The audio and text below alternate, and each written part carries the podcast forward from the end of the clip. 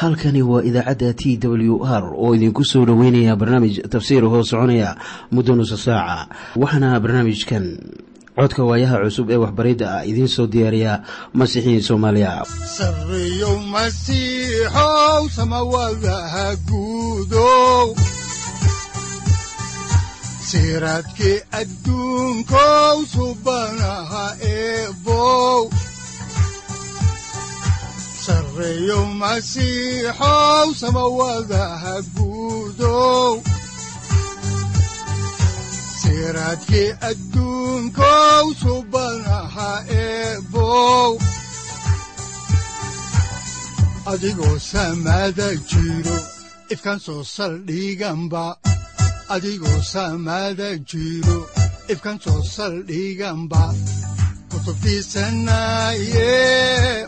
udanogu saaciiday sharxin sifahaaga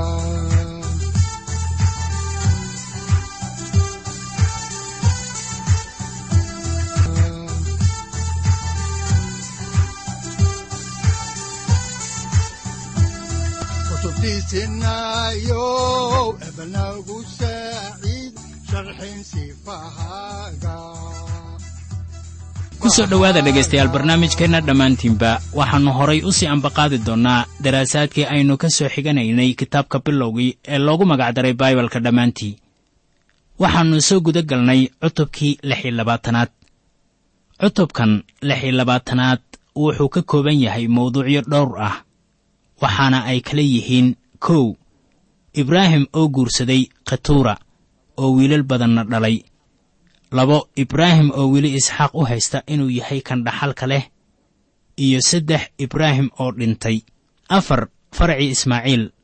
Shan qisadii isxaaq oo la soo celiyey waxaana dhashay ceesow iyo yacquub. Lix ceesow oo ka iibiyey dhaxalkii curradnimadiisa yacquub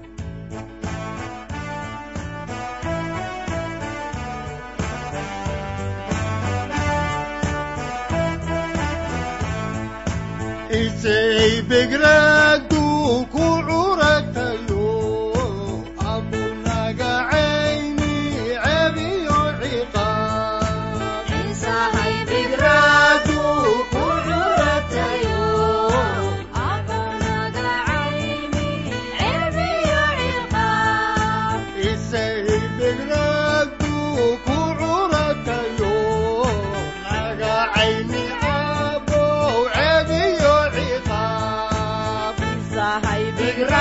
cilmigiisa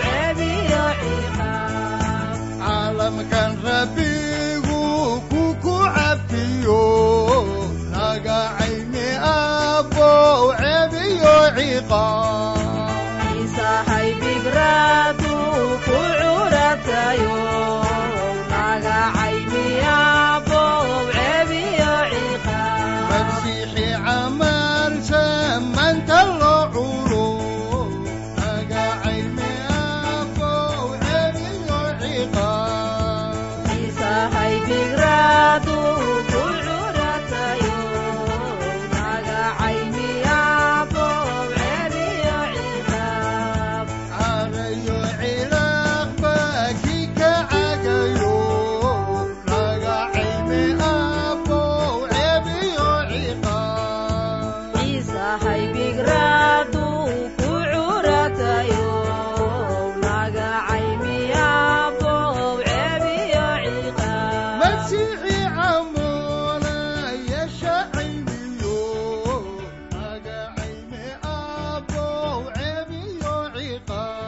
markii noogu dambaysay waxaynu ka hadlaynay mawduucii ahaa isxaaq oo si xun uga tarjumay xidhiirkii uu la lahaa haweenaydiisii rabeqa wuxuuna yidhi iyadu waa walaashay waxaana dhacday in maalin uu arkay abimelik oo ahaa boqorkii dalka filistiin isxaaq iyo rebeqa oo u muuqda sida wax isqaba ama nin iyo naagtii. Wuxuuna ku yidhi war miyaannu tanu naagtaadii ahayn haddaba caaway waxaynu eegaynaa mawduuca ah.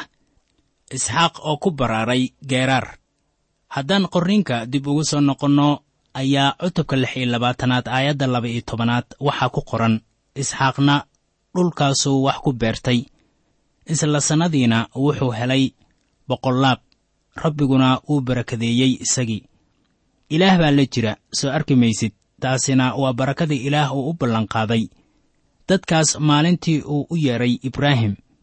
Waxay ahayd baraka adduun. Haddaan u leexanno qorninka ayaa waxaa ku qoran cutubka lix iyo labaatanaad aayadda saddex iyo tobanaad sida tan. Ninkiina wuu weynaaday oo hor u maray ilaa uu noqday nin aad u weyn. Yaanay ku baalmarin xaqiiqada ah in isxaaq si weyn loo barakadeeyey. Wuxuu beertiisii ka helay boqollaab aragtida ama dareenka aynu taa ka qaadanayno ayaa ah in ibraahim uu ahaa nin muuqda yacquubna sidaas uu ahaa laakiin isxaaq ma ahayn nin muuqda. Laakiin waxaan idinku leeyahay isxaaq xitaa wuxuu ahaa nin muuqda oo magac leh. Haddaan horay u sii ambaqaadno faallada kitaabka ayaa waxaa haddaba ku qoran cutubka lix iyo labaatanaad aayadda afar iyo tobanaad sida tan wuxuuna lahaa ari iyo lo iyo addoommo fara badan. Markaasay reer filistiin xaasideen. Reer filistiin uma ayaan babac dhigi karin. Inay eegaan sidii isxaaq u barakoobayey ama u barwaaqaysnaa. Haddaan halkii ka sii ambaqaadno ayaa waxaa ku qoran aayadda xigta ee shan iyo tobanaad sida tan. Ceelashii addoommada aabbihiis qodeen oo dhan waagii aabbihiis ibraahim noolaa ayay reer filistiin hore u oodeen oo ciid uga buuxiyeen ibraahim ceelal buu ka qodi jiray dhulkaas oo haatanna wiilkiisii baa yimid oo ceelashiina isagaa yeeshay. Laakiin markii uu subax subaxyada ka mid ah uu doonay inuu soo indhi indheeyo ayuu arkay in iyagii oo dhan ciid laga buuxiyey. Waxaana sidaas yeelay reer filistiin. Marka ay sidan tahayna ayaa warbixintanu noqonaysaa warkii ugu horreeyey ee ku qoran kitaabka ee ka hadlaya cadowtinimada falastiin. Tan ayaa horseeday dagaal joogto ah. Wakhtiyadii daa'uud oo kol dambe dhacday. Haddaan halkii ka sii wadno ayaa haatan waxaan eegaynaa cutubka lix iyo labaatanaad aayadda lix iyo tobanaad waxaana qoran sida tan. Abimelekna wuxuu isxaaq ku yidhi naga tag waayo aad baad nooga xoog badan tahay. Waxaad haddaba halkan ka ogaataa sida isxaaq uu u weynaaday innagoo si ambaqaadayna faallada kitaabka ayaa waxaa ku qoran aayadda toddoba iyo tobanaad sida tan. Markaasaa isxaaq halkaasi uu ka tegey oo dooxadii garaar degay halkaasuuna joogay. Ninkan abimelek ah baa yidhi dhib weyn baa inoo keenaysaa haatan. Waxaa haddaba ku wanaagsan buu yidhi inaad na dhaafto. Waxaad arkaysaa inuu xushmad weyn u hayay isxaaq sidaad arkayso. Iminkana aynu eegno mawduuca ah isxaaq oo ceelal ka qoday garaar. Haatan tanu waxay noqotay qayb ka mid ah noloshii isxaaq taasoo u muuqata itaaldarri laakiin ma ahayn itaaldarro waxaad ogaataa inuu haatan ku laabtay dhulkii aabbihii ibraahim ku noolaa. Haddaan halkii ka sii wadno faallada kitaabka bilowgii ayaa waxaa ku qoran cutubka lix iyo labaatanaad aayadaha siddeed iyo toban ilaa labaatan sida tan kolkaasaa isxaaq mar kale qoday ceelashii biyaha oo ay qodeen waagii aabbihiis ibraahim noolaa waayo reer filistiin baa ooday markii ibraahim dhintay kadib oo wuxuu magacyadoodii u bixiyey magacyadii aabbihiis ibraahim u bixiyey. Markaasaa addoommadii isxaaq dooxadii qodeen oo waxay ka heleen ceel durdur ah. Markaasaa xoolojirradii reer garaar la dirireen xoolojirradii isxaaq iyagoo leh biyaha annagaa leh ceelka magiciisiina wuxuu u bixiyey cesakh maxaa yeelay way la dirireen isagii. Haddaba tanu waxay muujinaysaa loolankii halkaasi ka socday. Waxaan dareensanahay in biyahaasu ay yihiin sawir muujinaya biyaha hadalka loona cabayo danta ah in lagu harraad beelo iyo in wax lagu mayrto. Ciise ayaa yidhi waxaa laynagu mayray hadalka laynagula hadlay ama hadalka ilaah shayddaanku wax waliba wuu ku oggolaanayaa laakiin ku oggolaan maayo inaad hadallada ilaah barato. Haddaba aynu u jalleecno kitaabka bilowgii oo aan eegno cutubka lix iyo labaatanaad aayadaha kow iyo labaatan ilaa laba iyo labaatan. Waxaana qoran sida tan. Ceel kalena way qodeen oo kaasna way kula dirireen markaasuu magaciisii u bixiyey sidnah kolkaasuu meeshaas ka guuray oo wuxuu qoday ceel kale. Kaasna kulama ay diririn magaciisiina wuxuu u bixiyey roxobot oo wuxuu yidhi haatan rabbigu meel buu noo banneeyey oo dalka waannu ku badanaynaa. Iminkana waxaynu eegaynaa maaddada ah isxaaq wuxuu aaday bi'ershabec ilaah baana u muuqday si loo qalbi qaboojiyo. Haddaan halkii ka sii wadno xigashada kitaabka ayaa waxaa ku qoran cutubka lix iyo labaatanaad aayadaha saddex iyo labaatan ilaa afar iyo labaatan sida tan soo socota. Markaasuu halkaasi ka tegey oo wuxuu u kacay bi'ershabec oo isla habeenkaas ayaa rabbiga uu u muuqday isagii uu ku yidhi waxaan ahay aabbaha ibraahim ilaahiisa. Ha cabsan waayo waan kula jiraa oo waan ku barakadayn doonaa. Farcankaagana waan tarmin doonaa. Addoonkaygii ibraahim aawadiis ilaah wuxuu ugu muuqday isxaaq si uu u qalbi qaboojiyo ilaah wuxuu u muuqday nimankii laga soo farcamay waxaan ka ahayn yuusuf. Wuxuu u muuqday ibraahim isxaaq iyo yacquub haddaan faalladii halkii idinkaga sii wadno ayaa waxaa ku qoran aayadda shan iyo labaatanaad sida tan. Kolkaasuu halkaasi ka dhisay meel allabari oo magaca rabbiga ku baryootamay halkaas buuna teendhadiisii ka dhisay. Markaasaa addoommadii isxaaq halkaas ceel ka qodeen. Weli ceel qodistii buu sii wadaa. Waxaa mar waliba isxaaq astaan u ahayd ceel ibraahimna meel allabari yacquubna teendho. Sidaan arki doonno iminkana aynu eegno isxaaq oo la nabdaya abimelik waxaannu ku soo noqonaynaa xigashadii kitaabka. Waxaannu eegaynaa aayadaha ugu dambeeya ee cutubka lix iyo labaatanaad. Waxaynu haatan eegaynaa cutubka lix iyo labaatanaad aayadaha lix iyo labaatan ilaa sagaal iyo labaatan. Waxaana qoran sida tan. Dabeedna abimelik iyo saaxiibkiis ah xusad iyo fikool oo ahaa madaxii ciidankiisa ayaa garaar ka tegey oo isxaaq u kacay. Markaasaa isxaaq uu ku yidhi maxaad iigu timaadeen waabad inecab tihiine oo aad iska kay erideene oo waxay ku yidhaahdeen caddaan baannu u aragnay in rabbiga kula jiro oo waxaannu nidhi annaga iyo adiga dhaaru ha inoo dhexayso oo aynu axdi dhiganno inaadan waxna yeelayn. Sidii annana aanan kuu taaban oo aanan waxba kugu samayn wanaag mooyaane oo aannu nabad kugu dirnay adigu hadda waxaa tahay kan rabbiga barakadeeyey inkastoo isxaaq weli u muuqday. Mid aan itaan lahayn marka uu la macaamiloonayo ragga deggan garaar. Ayaa haddana boqorkii garaar aad ula tacajabay. Isxaaq taasoo keentay inuu isxaaq ugu tago bi'ershabac si ay u gaaraan xidriir wanaagsan. Haddaba magacii ama sumcaddii isxaaq uu ku lahaa waddankaasi. Ma ahayn mid uu u muuqday sidii nin liita.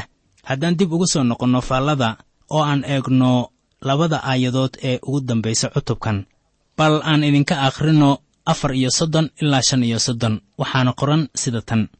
Ciisow markuu afartan sannadood jiray ayuu guursaday yuhuudiid ina beerti kii reer xeed iyo basmad ina eelon kii reer xeed kuwaasuna isxaaq iyo rebeqa ayay caloolxumo geliyeen cutubka xiga ayaynu ku arkaynaa yacquub dabeecaddiisii rasmiga ahayd.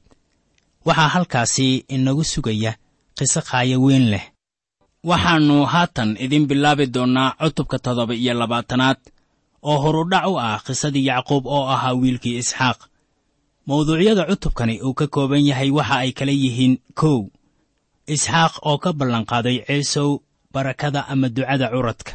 Labo rebeqa oo yacquub la maleegaysa shirqool oo loo dhigo isxaaq. Saddex shirqoolkii oo lagu guulaystay yacquubna wuxuu siray aabbihiis afar rebeqa oo yacquub u diraysa laabaan oo yacquub abti u ahaa. Cutubkan waxaa horudhac u ah yacquub iyo rebeqa oo khiyaano ku raadinaya inay barakadii ama ducadii ciisow u weeciyaan dhanka yacquub. Waa barako isxaaq la maaganaa ama la doonayey ciisow waxaad arkaysaa yacquub oo doonaya barakada aabbihiis wuxuu garanayay in ilaah uu ka ballanqaaday hooyadiis in kan weyni uu u adeegi doono kan yar. Markaana barakadu waa tiisii iminkana waxaynu ka hadlaynaa maaddadan ah isxaaq oo u ballanqaaday ciisow barakada. Innagoo haatan toos u gelaynaa cutubkan toddoba iyo labaatanaad ee kitaabka bilowgii ayaannu idin akhriyaynaa aayadaha hal ilaa afar waxaana qoran sida tan markii isxaaq gaboobay oo ay indhihiisii u arag darraayeen si uusan waxba arki karin ayuu u yeedhay wiilkiisii weynaa ee ciisow ahaa oo wuxuu ku yidhi wiilkaygiiyow isaguse wuxuu yidhi waa ikan. Markaasuu yidhi bal i eeg haatan waan gaboobay garanna maayo maalinta dhimashadayda. Sidaas daraaddeed waan ku baryayaaye qaado hubkaaga gabooyahaaga iyo qaansadaada oo duurka u bax oo hilib ugaareed ii keen oo ii samee hilib macaan oo ah kan aan jeclahay oo ii keen aan cune inay naftaydu ku ducayso intaanaan dhiman. Iminkana aynu ka hadalno mawduuca ah rebeqa oo shirqool la maleegaysa yacquub si been loogu sheego isxaaq. Haddaan dib ugu soo noqonno kitaabka bilowgii ayaa waxaa ku qoran cutubka toddoba iyo labaatanaad aayadaha shan ilaa siddeed sida tan rebeqahna way maqashay markii isxaaq la hadlay wiilkiisii ceesow. Ceesowna duurku u kacay inuu ugaar soo dilo oo uu u keeno markaasay rebeqah la hadashay wiilkeedii yacquub oo tidhi waxaan maqlay aabbaha oo la hadlaya walaalka ceesow isagoo leh hilib ugaareed ii keen oo ii samee hilib macaan aan cune oo aan kugu duceeye rabbiga hortiisa intaanaan dhiman. Haddaba sidaas daraaddeed wiilkaygiiyow codkayga u addeec sida aan kugu amro. Rebeqa waxay maqashay wixii isxaaq yidhi yacquub wuxuu ahaa kii ay jeclayd. Markaana waxay u soo maleegtay shirqoolkan hadimada ah. Waa khiyaano caddaan ah lamana aqbali karo dhan walboo laga eego xaalka. Ilaah wuxuu tan u qorayaa taariikh ahaan laakiin eedeen buu dusha ka saarayaa. Taana waannu arki doonnaa waxaad xusuusataa waxyaabaha halkan lagu sameeyey dabadeedna waxaad arki doontaa wixii yacquub uu beertay oo u soo go'aya. Markaana rebeqa sidaan bay ugu arrimisay wiilkeedii yacquub ahaa. Waxaanan haatan ka eegaynaa qisada sida ay ugu qoran tahay cutubka toddoba iyo labaatanaad aayadaha sagaal ilaa kow iyo toban oo leh bal ariga u kac oo iiga keen laba waxar oo wanwanaagsan oo waxaan aabbaha ugu samayn hilib macaan oo ah kan uu jecel yahay adna aabbaha waad u geyn doontaa inuu cuno si uu kugu duceeyo intuusan dhiman. Yacquubna wuxuu hooyadiis rebeqah ku yidhi walaalkay ciisow waa nin xaad badan anna waxaan ahay nin xaad yar. Ciisow ma ahayn dibadjoog iyo nin cas balse wuxuu ahaa nin xaad badan. Halkii aynu ka sii wadno qisada oo aan eegno aayadda xigta ee laba iyo tobanaad waxaana qoran mindhaa aabbahay waa itaaban doonaa oo markaasaan ula ekaan doonaa qaa'in oo habaar baan isu soo jiidi doonaa ducase ma heli doono. Haatan u ekaan maayo oo keliya qaa'in waxaase uu noqonayaa beenlow waa haddii la qabta eh. Weli waxaannu idin akhrinaynaa kitaabka bilowgii waxaanna eegaynaa cutubka toddoba iyo labaatanaad aayadaha saddex iyo toban ilaa toddoba iyo toban waxaana qoran sida tan. Oo hooyadiis baa ku tiri wiilkaygiiyow habaarkaagu aniga ha igu dhaco codkayga un addeec oo orod oo ii keen iyaga. Markaasuu tegey uu soo kaxeeyey uu u keenay hooyadiis. Hooyadiisna waxay samaysay hilib macaan oo ah sidii kii aabbihiis jeclaa. Markaasaa rebeqa waxay soo qaadday dharkii wanaagsanaa oo wiilkeedii weynaa oo ahaa ciisow oo ay guriga ku haysay oo waxay u xidhay wiilkeedii yaraa oo ahaa yacquub. Markaasay waxarihii hargahoodii ku xidhay gacmihiisii iyo intii aan xaadda lahayn oo luquntiisii. Markaasay hilibkii macaanaa iyo kibistii ay diyaarisay u dhiibtay wiilkeedii yacquub. Markii yacquub cabsaday ayaa hooyadiis rebeqa waxay keentay xeel. Yacquub uu ku helo barakada. Waxay u dirtay laba waxarood oo yaryar waxayna u loogtay waxarihii isxaaq si loogu ekaysiiyo inay hilib ugaareed yihiin waxay kaloo dhogortii waxaraha ku dhejisay inta aan timaha xaadda lahayn ee jidhkii yacquub. Iminka aynu eegno mawduuca ah shirqoolkii wuu guulaystay yacquubna wuxuu siray aabbihiis haddaan dib ugu soo noqonno daraasaadkii kitaabka oo aan eegno qisada ayaa waxaa ku qoran cutubka labaatan iyo toddobaad aayadaha sagaal iyo toban ilaa labaatan sida tan. Yacquubna wuxuu aabbihiis ku yidhi waxaan ahay curadkaagii ciisow waan sameeyey sidii aad iigu amartay. Haddaba waan ku baryayaaye kac oo fadhiiso oo cun hilibkaygan ugaareed si aad iigu ducayso. Isxaaqna wuxuu wiilkiisii ku yidhi wiilkaygiyow sidee baad dhaqso ugu soo heshay? Isna wuxuu yidhi maxaa yeelay rabbiga ah ilaahaaga ayaa ii keenay. Aniga ii dhegayso yacquub wakhtigan qaaska ah wuu ka been sheegayaa ilaah ilaah shaqo kuma leh khiyaanadan. Haddaba aynu halkii ka sii wadno daraasaadka kitaabka bilowgii oo aan eegno cutubka toddoba iyo labaatanaad aayadaha kow iyo labaatan ilaa toddoba iyo labaatan. Waxaana qoran sida tan isxaaqna wuxuu yacquub ku yidhi soo dhowow waan ku baryayaaye aan ku taabte wiilkaygiyow bal inaad tahay wiilkaygii ciisow iyo in kale yacquubna waa u dhowaaday aabbihiis isxaaq markaasuu taabtay oo yidhi codku waa codkii yacquub gacmuhuse waa gacmihii ciisow. Mana uu garanin maxaa yeelay gacmihiisu xaad miiran bay ahaayeen sidii gacmihii walaalkiis ciisow. Sidaas daraaddeed wuu u duceeyey kolkaasuu yidhi war ma tahay wiilkaygii ciisow qudhiisii isna wuxuu yidhi waan ahay markaasuu ku yidhi bal ii soo dhowee aan cune wiilkayga hilibkiisa ugaareed si aan kugu duceeyo kolkaasuu u soo dhoweeyey oo isna wuu cunay oo wuxuu kaloo u keenay kamri wuuna cabay markaasaa aabbihiis isxaaq ku yidhi bal ii soo dhowow oo i dhunko wiilkaygiyow waad garan kartaa baan filayaa in isxaaq uu shakiyey oo uu gartay in wax qaldan yihiin laakiin rebeka aad bay u garanaysay isxaaq oo wax waliba si baahsan oo tafatiran bay u maamushay aynu halkii idinka sii wadno oo aan eegno cutubka toddoba iyo labaatanaad aayadaha siddeed iyo labaatan ilaa sagaal iyo labaatan oo leh isna wuu u soo dhowaaday oo wuu dhunkaday markaasuu ursaday dharkiisii wuuna u duceeyey oo yidhi bal eeg urta wiilkaygu waa sida urta duurka rabbigu barakadeeyey. Ilaah ha ku siiyo sayaxa samada iyo barwaaqada dhulka iyo haruur iyo qamri badan. Dadyowgu ha ku adeegeen qurumuhuna ha kuu sujuudeen walaalaha sayid u noqo wiilasha hooyadana ha kuu sujuudeen ha inkaarnaado ku kasta oo ku inkaaro. Ha ducaysnaado ku kasta oo kuu duceeya. Isxaaq haatan wuxuu bixinayaa barakadii uu helay. Haatan wuu gudbinayaa. Ha yeeshee midda cajiibka ah ayaa waxay tahay in barakadan uu lahaa yacquub ilaah wuxuu yidhi barakada waxaa leh yacquub ilaahna wuxuu horay u barakadeeyey yacquub ha yeeshee ilaah aqbali maayo. Khiyaanadan marnaba. Iminkana aynu eegno mawduuca ah shirqoolkii oo la ogaaday markii ciisow uu soo noqday. Innagoo si ambaqaadayna kitaabka bilowgii ayaa waxaa ku qoran cutubka labaatan iyo toddobaad aayadaha soddon ilaa saddex iyo soddon sida tan markii isxaaq dhammeeyey ducadan yacquub u ducaynayey yacquubna uu ka tegey aabbihiis ayaa walaalkiis ciisow uu ka yimid ugaarsigii oo isna hilib macaan buu sameeyey oo uu u keenay aabbihiis oo wuxuu ku yidhi aabbihiis aabbow kac oo cun hilibkaygan ugaareed si aad iigu ducayso. Markaasaa aabbihiis isxaaq ku yidhi kumaa tahay?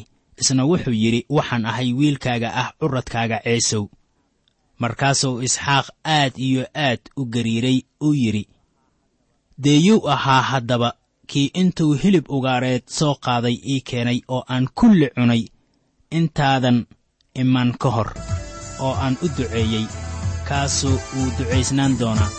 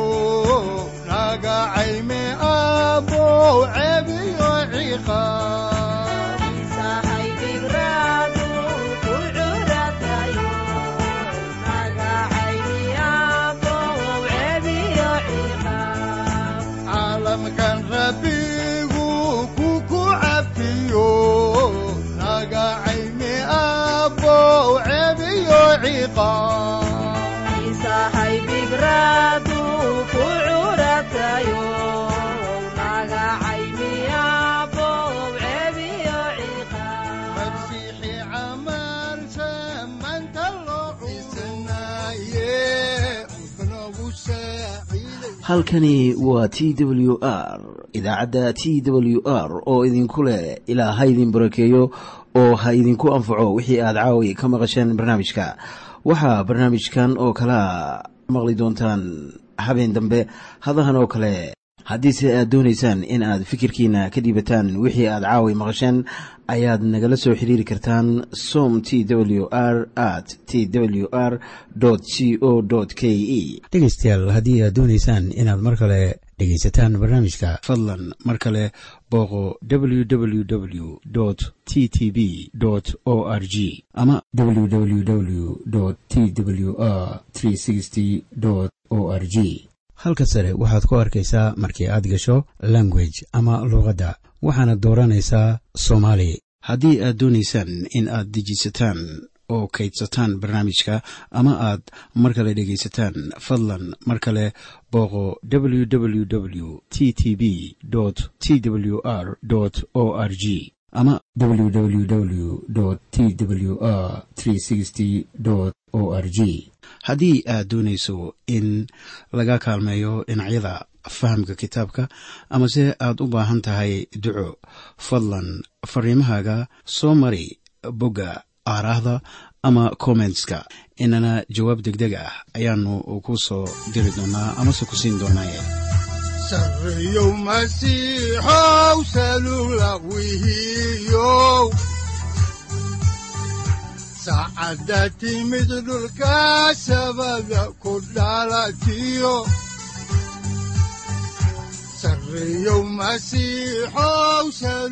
halkani waa t w r oo idiin rajaynaya habeen baraare iyo barwaaqaba leh inta aynu ka gaari doono wakhti aynu ku kulanno barnaamij la mida kan caawayay aad maqasheen. Waxa aan idinku leeyahay nabadda ciise masiix ha idinku badato xagga jidhka iyo ruuxaba aamiin